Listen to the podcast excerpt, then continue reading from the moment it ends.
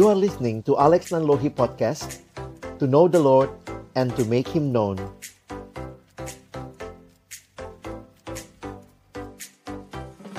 Kepala kita berdoa di hadapan Tuhan. Kami datang dalam ucapan syukur pada sore hari ini. Terima kasih untuk cinta kasih anugerahmu bagi kami. Bersama-sama kami akan membuka firman-Mu ya Tuhan. Kami mohon bukalah juga hati kami Jadikan hati kami seperti tanah yang baik Supaya ketika benih firman Tuhan ditaburkan Boleh sungguh-sungguh berakar, bertumbuh Dan juga berbuah nyata di dalam hidup kami. Berkati hambamu yang menyampaikan firman Setiap kami yang mendengar firman Tuhan tolonglah kami semua agar kami bukan hanya menjadi pendengar-pendengar firman yang setia tapi mampukan kami di dalam masa muda kami menjadi pelaku-pelaku firman-Mu di dalam kehidupan kami. Bersabdalah ya Tuhan, kami umat-Mu sedia mendengarnya. Dalam satu nama yang kudus, nama yang berkuasa, nama Tuhan kami Yesus Kristus. Kami menyerahkan pemberitaan firman-Mu. Amin. Silakan duduk. Shalom. Selamat sore teman-teman sekalian. Kita bersyukur kepada Tuhan buat kesempatan belajar firman Tuhan kembali. Waktu kita datang beribadah, Tuhan juga rindu menyapa kita dengan firman-Nya. Nah, hari ini kita bicara tentang true ministry. Kita akan melihat sama-sama dalam satu bagian firman. Saya mengajak kita membuka Lukas pasal yang ke-14. Kita akan membaca dari ayat yang ke-25 sampai ayat yang ke-35. Lukas pasal yang ke-14 ayat yang ke-25 sampai 35. Mari kalau sudah menemukan kita baca bergantian. Saya akan baca ayat yang ke-25, teman-teman baca ayat yang ke-26, kita bergantian sampai dengan ayatnya yang ke-35. Pada suatu kali banyak orang berduyun-duyun mengikuti Yesus dalam perjalanannya. Sambil berpaling ia berkata kepada mereka,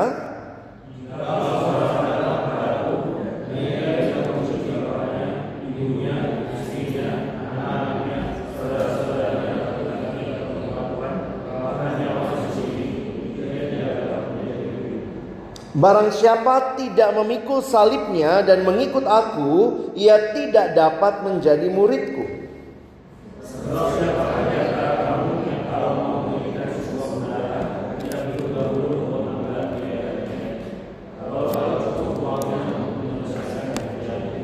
Supaya jikalau ia sudah meletakkan dasarnya dan tidak dapat menyelesaikannya, jangan-jangan semua orang yang melihatnya mengejek dia.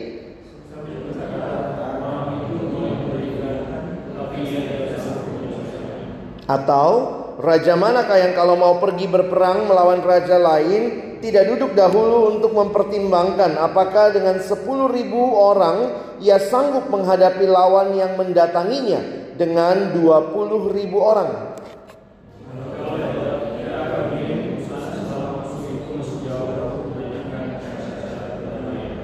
Demikian pula lah tiap-tiap orang di antara kamu yang tidak melepaskan dirinya dari segala miliknya tidak dapat menjadi muridku.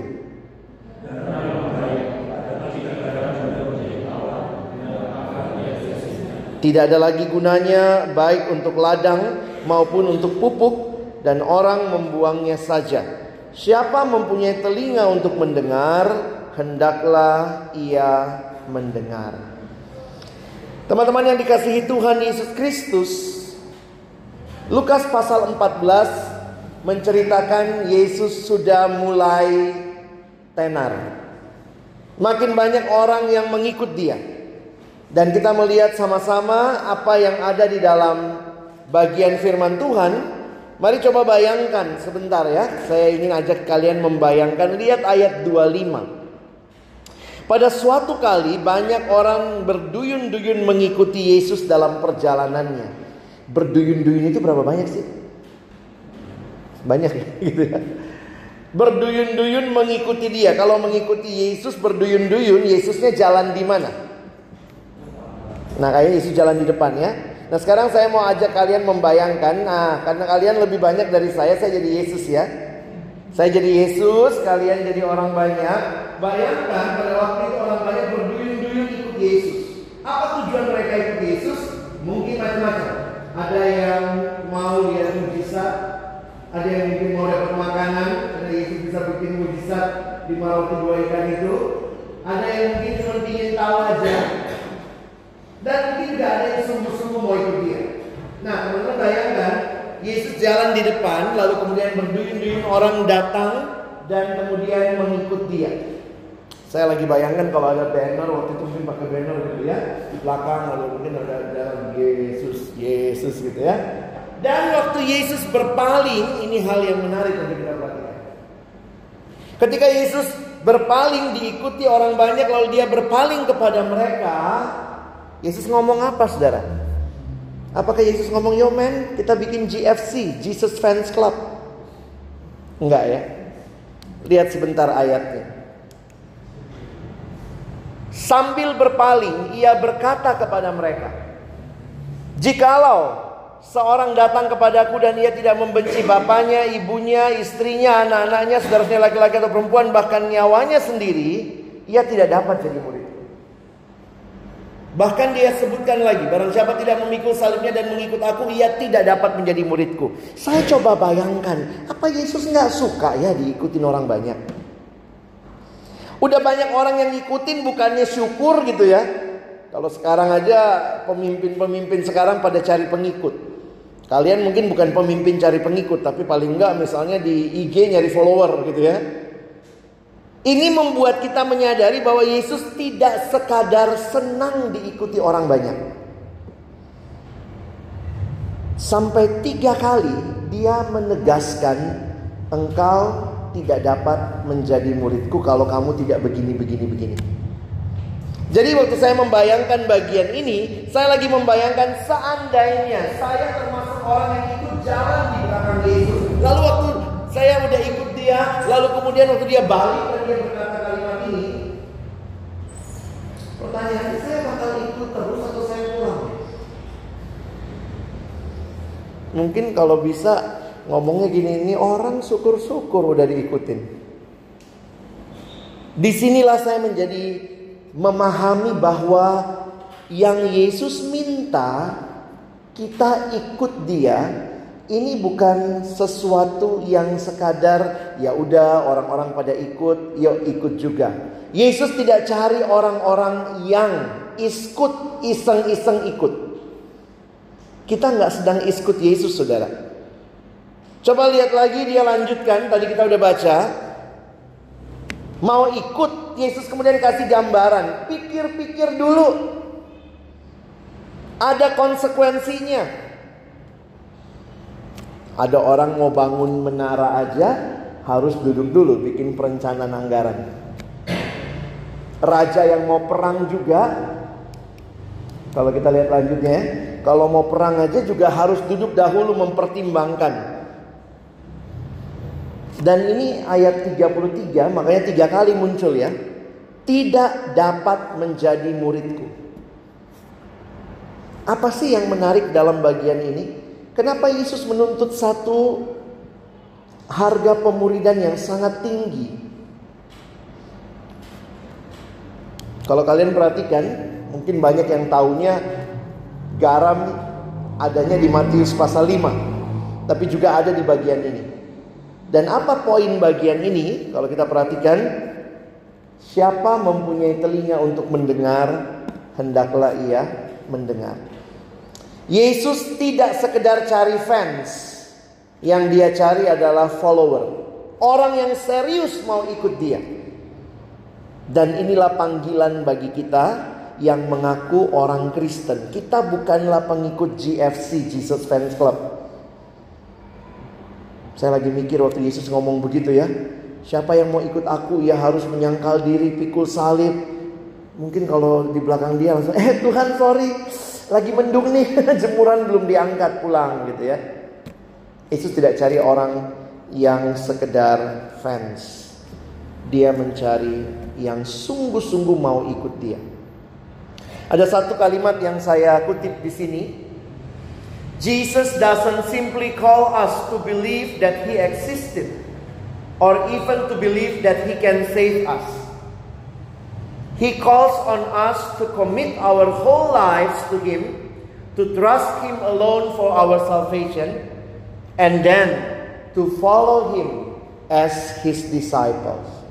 Yesus tidak hanya sekadar mau menyelamatkan kita, dia tidak sekadar memanggil kita, tetapi di dalam panggilannya itu terletak juga panggilan jadi murid. Ya. Sehingga saya pikir menjadi murid ini bagian kita, ya. Nah, apa hubungannya dengan tema kita sore hari ini? Kita mau bicara pelayanan. Kenapa bicara pemuridan? Saya terkesan dengan satu gambar yang dibuat oleh seorang bernama Dawson Trotman. Pak Dawson Trotman ini membuat ini yang namanya ilustrasi roda. Kalau saya khotbah sering kali saya kutip ilustrasi ini. Gampang mudah diingat. Dia membayangkan hidup orang Kristen itu mirip seperti roda. Nah teman-teman tahu kalau roda itu yang muter mana? Porosnya. Maka di pusat hidup kita harus ada Kristus. Di pusat hidup ada Kristus dan kemudian Bapak Dosen Trotman menggambarkan ada dua jari-jari. Jari-jari yang vertikal hubungan dengan Allah, yang horizontal hubungan dengan sesama. Nah, lihat yang dia gambarkan ya. Kalau di pusat hidup ada Kristus, maka ke atas kita bicara sama Tuhan namanya do doa. Tuhan bicara kepada kita melalui firman. Makanya dari sekolah minggu kita udah tahu ya bagaimana bertumbuh adik-adik. Baca kitab suci, doa tiap hari kalau mau tumbuh.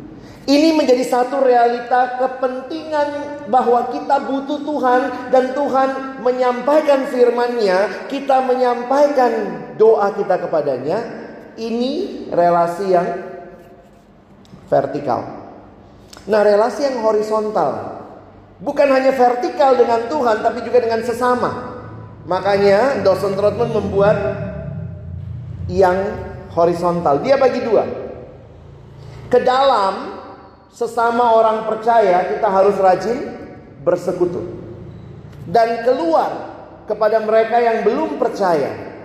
Bagian kita adalah bersaksi. Nah ini menolong kita untuk memahami. Jadi orang Kristen yang taat itu orang Kristen yang secara seimbang. Memelihara relasi dengan Allah.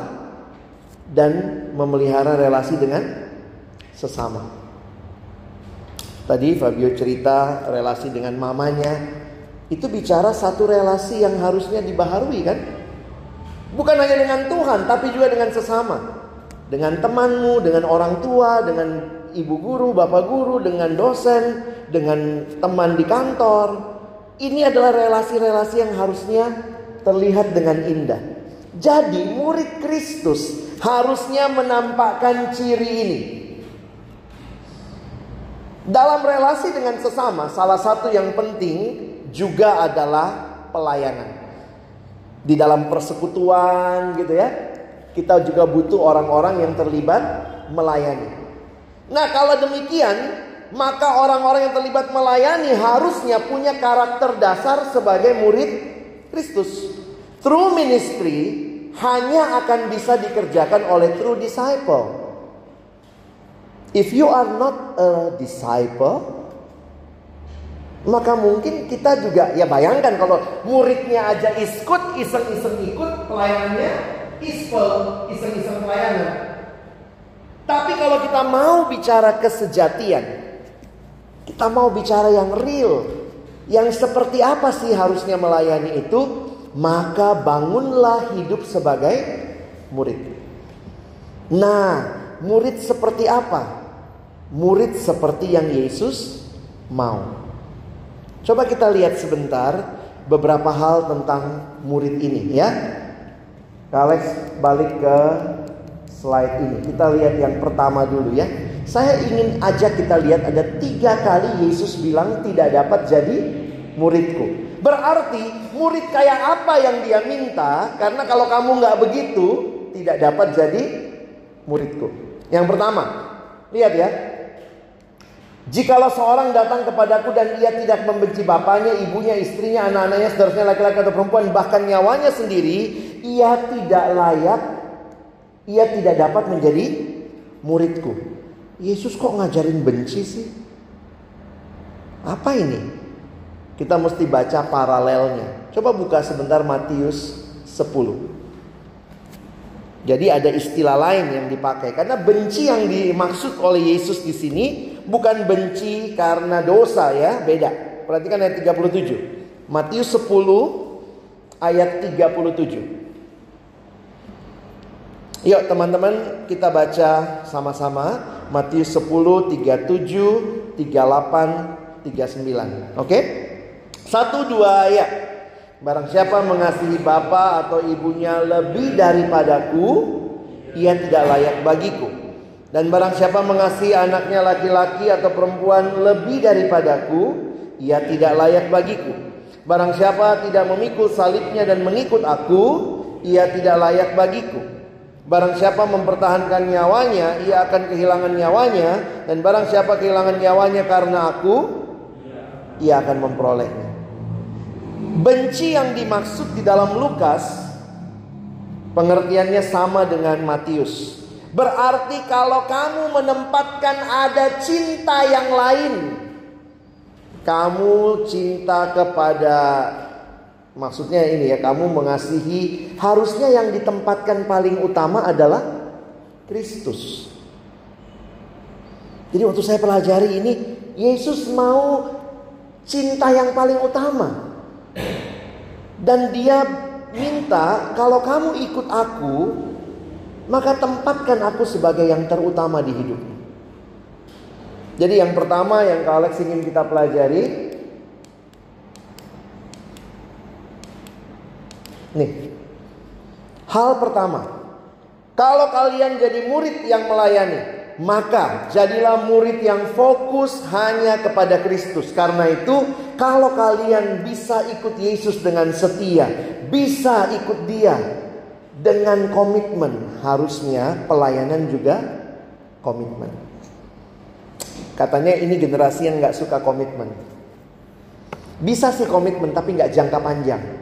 Saya mau deh semuanya kalau ditanya mau jadi pengurus nggak? Ah, gue bantu-bantu deh. Jadi semua akhirnya pembantu bukan pengurus ya, bantu-bantu.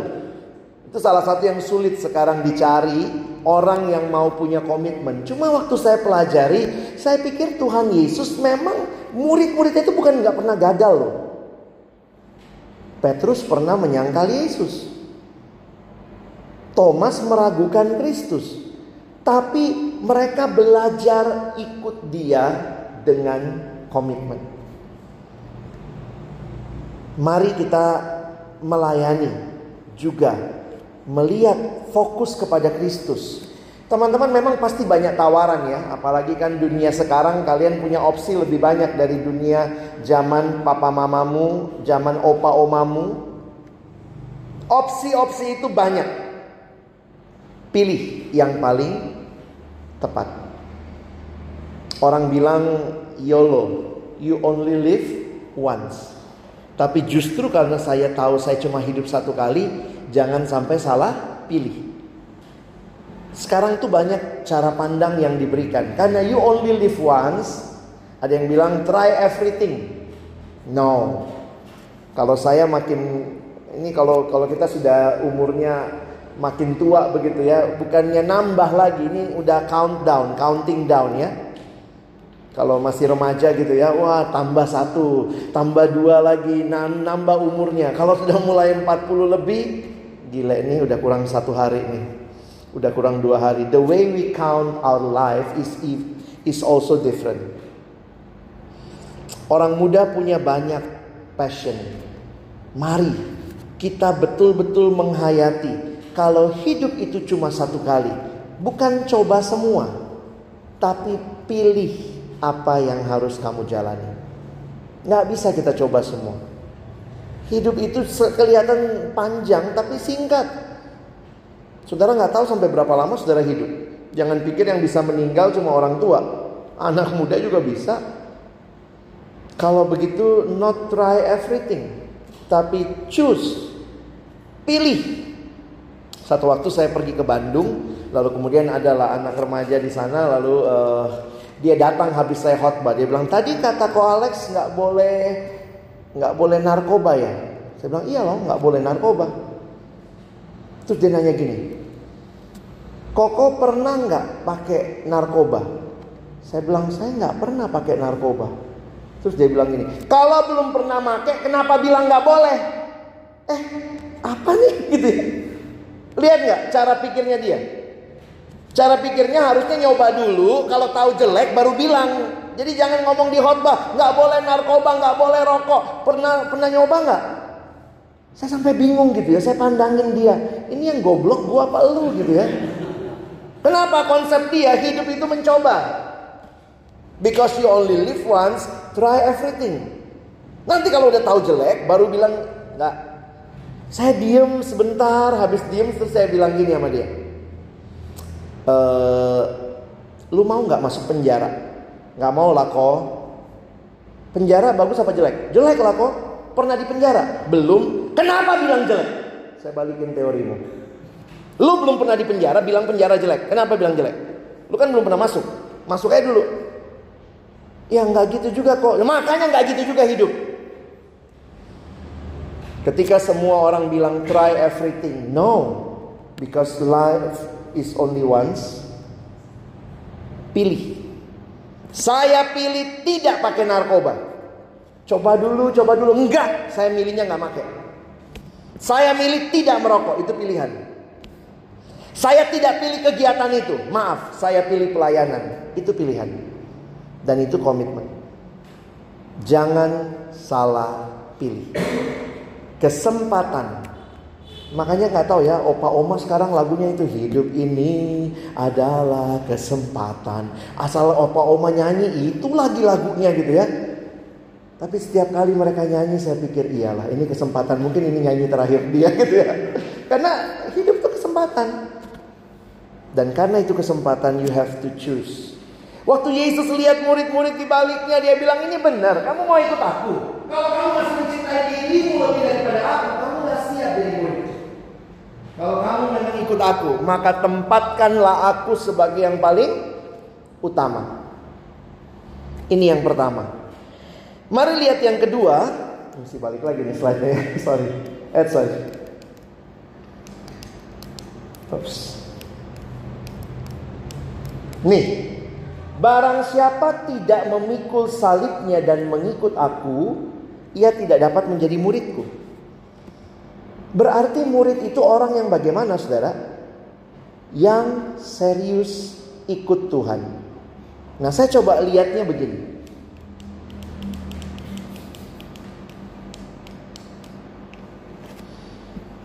Saudara, memikul salib pada masa itu Jangan jangan pusing ya karena pertanyaan saya begini, apakah Yesus sudah disalib waktu dia bicara di sini?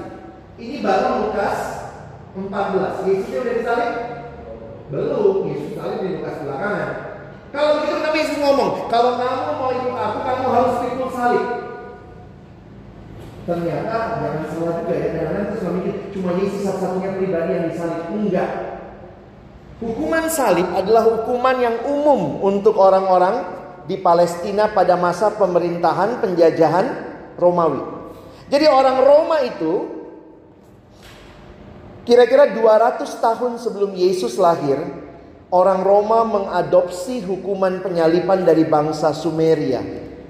Bangsa Sumeria menemukan penyalipan lalu kemudian diadopsi sama Roma dan orang Roma penjajah Roma menggunakan hukuman penyaliban untuk menghukum orang-orang warga negara non Romawi. Jadi pada waktu itu ada dua macam hukuman mati. Kalau kamu warga negara Roma, hukuman matimu adalah dipenggal. Kalau kamu bukan warga negara Roma, kamu disalib. Makanya dalam sejarah kita tahu Yesus kan orang Yahudi bukan warga negara Roma. Yesus disalib. Petrus disalib. Orang Yahudi bukan warga negara Roma. Agak beda sama Paulus. Paulus di penggal karena Paulus orang Yahudi tapi warga negara Romawi. Makanya sejarah gereja mencatat Paulus dipenggal. Jadi waktu Yesus ngomong pikul salib, pasti murid-muridnya sudah sering melihat karena pada waktu itu orang yang dihukum berat, dihukum mati kalau dia bangsa lain itu disuruh pikul salib. Maksudnya apa? Ternyata pikul salib ini ada dua maksud. Pertama jelas supaya mati. Tapi yang kedua, orang Roma memilih hukuman salib untuk mempermalukan bangsa lain. Jadi menariknya, pada waktu itu orang yang disalib harus memikul salibnya sendiri.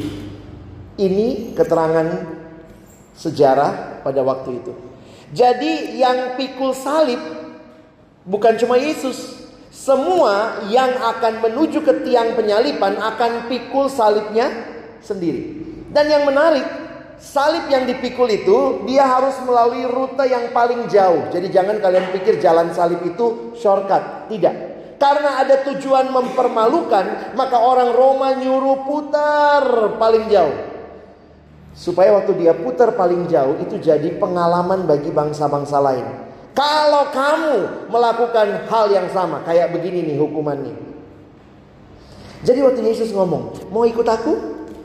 Sangkal diri, pikul salibmu. Berarti itu, nah saya harus katakan dengan kalimat lain, satu kerelaan membayar harga. Karena orang yang pikul salib tujuan akhirnya mati.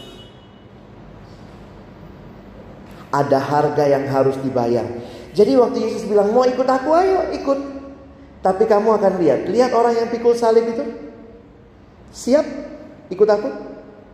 Nah ini yang saya bilang tadi ya, kalau saya di belakang Yesus saya pulang duluan kali ya. Syukur-syukurnya orang diikutin, nantang lagi.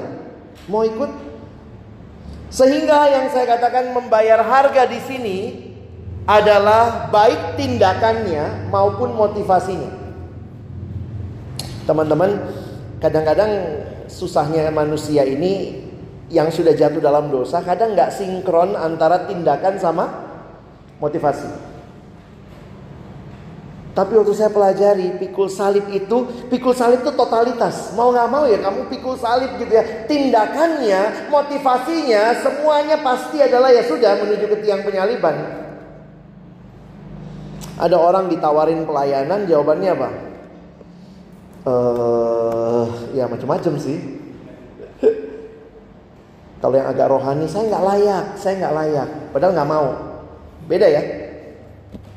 Layak itu yang menentukan kita layak nggak layak itu Tuhan ya. Ada juga yang sombong karena rasa semua dia bisa. Lu pelayanan ya, iya, gue layak. Ada juga kalau ditawarin alasannya, oh jangan saya, jangan saya. Padahal dalam hati paksa terus dong, paksa terus gitu ya. Kalau saya lihat saudara siap melayani, siap pikul salib berarti biarlah seluruh totalitasmu mau memberi yang terbaik kepada Tuhan. Kadang-kadang kesombongan kita masalah motivasi ya. Semua kita bisa melayani. Karena melayani itu bicara actionnya. Tapi sering kali waktu saya pelajari lebih dalam, Tuhan tidak hanya lihat actionnya, Tuhan lihat hatinya. Makanya ada lagu bilang Tuhan berikan aku hati sebagai hamba. Kita bisa melayani, tampil di depan, tapi ternyata di dalam kesombongan. Lu lihat gua, hebatkan gua, hebatkan gua ya. Puji diri, haleluya. Dan makin kita bertindak, mungkin kamu memberi yang sangat baik, tapi waktu kamu memberi yang baik itu, kamu sebenarnya mungkin hanya berpikir, I deserve it. Saya layak. Saya sanggup. Saya bisa. Tapi Tuhan menilai hati. Tuhan kayak tanya sama murid-murid, benar mau ikut aku? Iya, mau ikut. Pikul salib loh. Iya Tuhan, aku mau. Jadi murid sejati yang rela bayar harga Murid sejati yang tindakannya dan motivasinya murni itu yang akan juga menjadi pelayan yang rela bayar harga. True ministry selalu lahir dari true disciple. Yang terakhir, kan kalau teman-teman lihat tadi ya, fokusnya pada Yesus. Coba lihat sebentar ayatnya ya. Nah, di bagian ini Yesus menjelaskan tentang raja yang hitung-hitungan ini. Tapi di bagian akhir perhatikan ya. Demikian pula lah tiap-tiap orang di antara kamu yang tidak melepaskan diri dari segala miliknya tidak dapat menjadi muridku. Saya melihatnya ini dari 31 sampai 32 nampaknya bisa masuk ke atas soal pikul salib. Jadi kayak Yesus bilang mau mengikut aku pikul salib. Maksudnya pikir baik-baik, siap. Iya Tuhan siap. Nah Yesus kasih teladannya, ceritanya. Nih kayak orang yang raja yang mau perang. Sebelumnya dia kasih ilustrasi tentang orang yang mendirikan rumah. Think the cost, pikirin harganya. Kalau sudah siap, ikut aku. Tapi bagian yang terakhir ada yang menarik nih. Tiap-tiap orang di antara kamu yang tidak melepaskan dirinya dari dari segala miliknya tidak dapat menjadi muridku. Apa yang dimaksud? Saya tulisnya begini ya. Nah, murid itu ternyata orang yang rela melepaskan segala sesuatu, yaitu berbagai keterikatan. Teman-teman di dalam hidup melayani Tuhan ada hal-hal yang kita harus sadari, kita mungkin masih terikat kepada kedagingan kita. Kesombongan, dosa, hal-hal yang masih begitu kita simpan dan pelihara. Mari kita datang dan merindukan Tuhan, aku mau jadi murid yang tidak terikat kepada hal-hal yang tidak sesuai kehendakmu.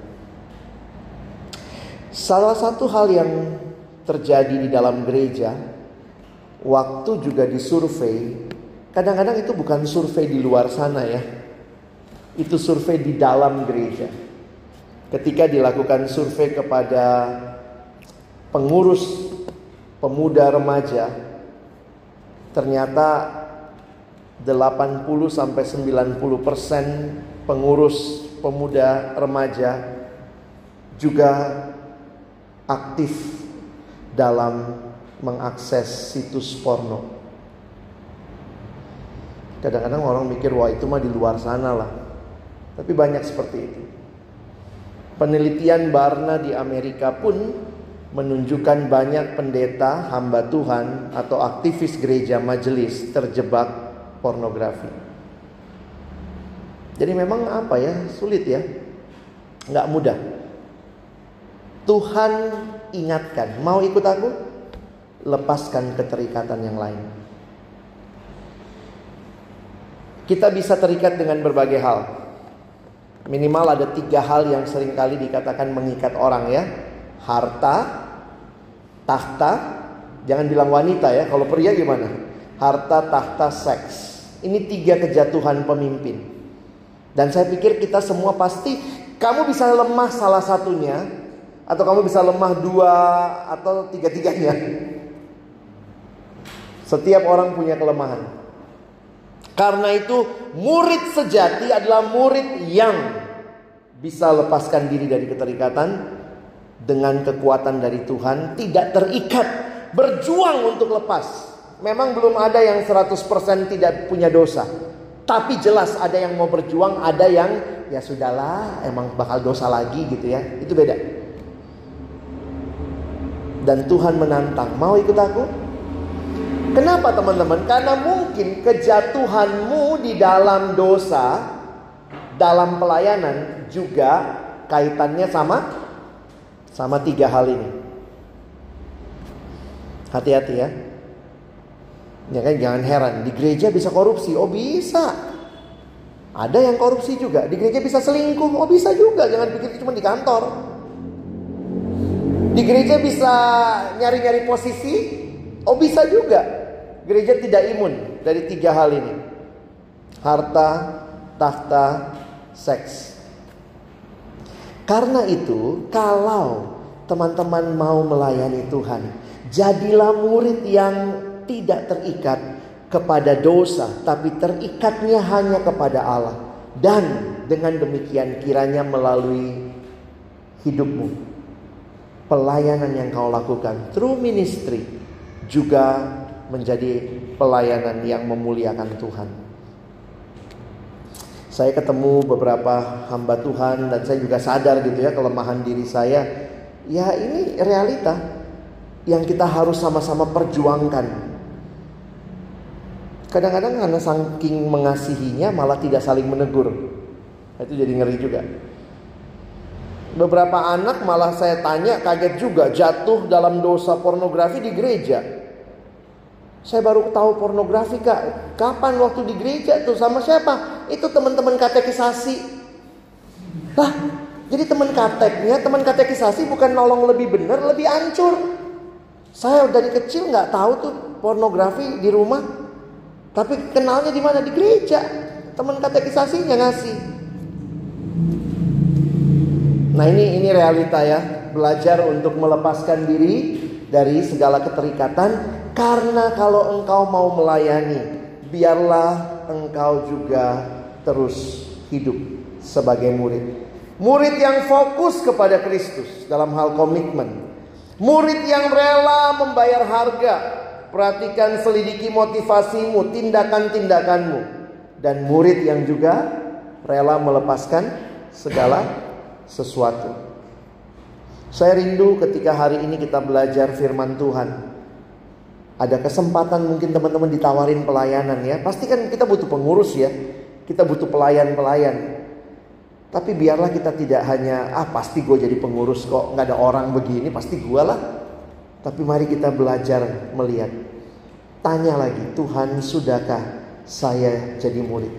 Dan waktu Tuhan kasih kesempatan melayani, biarlah teman-teman jadi murid yang melayani dengan komitmen, dengan tindakan dan motivasi yang benar dan juga dengan bebas dari keterikatan. Mari kita berdoa. Terima kasih buat firman-Mu sore hari ini. Kami sungguh bersyukur Tuhan berkenan memakai kami di dalam pelayanan.